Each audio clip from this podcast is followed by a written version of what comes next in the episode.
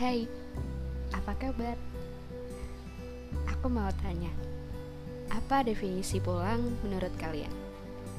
Kalau menurutku, pulang gak selalu tentang tempat atau rumah, tapi bisa juga seseorang yang bisa nerima kita apa adanya, ngebuat kita jadi diri kita sendiri dan selalu support kita.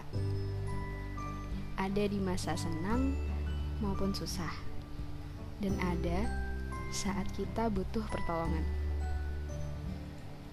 Seseorang gak melulu tentang dia ya, tapi bisa juga teman atau keluarga yang tahu kelemahan dan kelebihan kita. Yang gak perlu kita kasih tahu, tapi udah ngerti dengan sendirinya. Gak pernah bosen buat ngingetin hal baik sekecil apa pun itu. Selalu negur saat salah dan selalu ada di garis terdepan.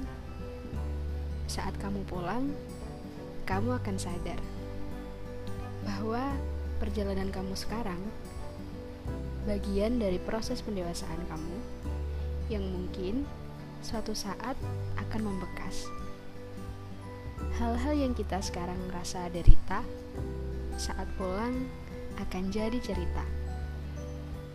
Dan saat kamu sampai di titik yang bernama masa depan, kamu akan mengenang. Tapi jangan lupa jalan pulang. Sebab setelah perjalanan panjang, diri perlu berbenah agar lebih baik di masa mendatang.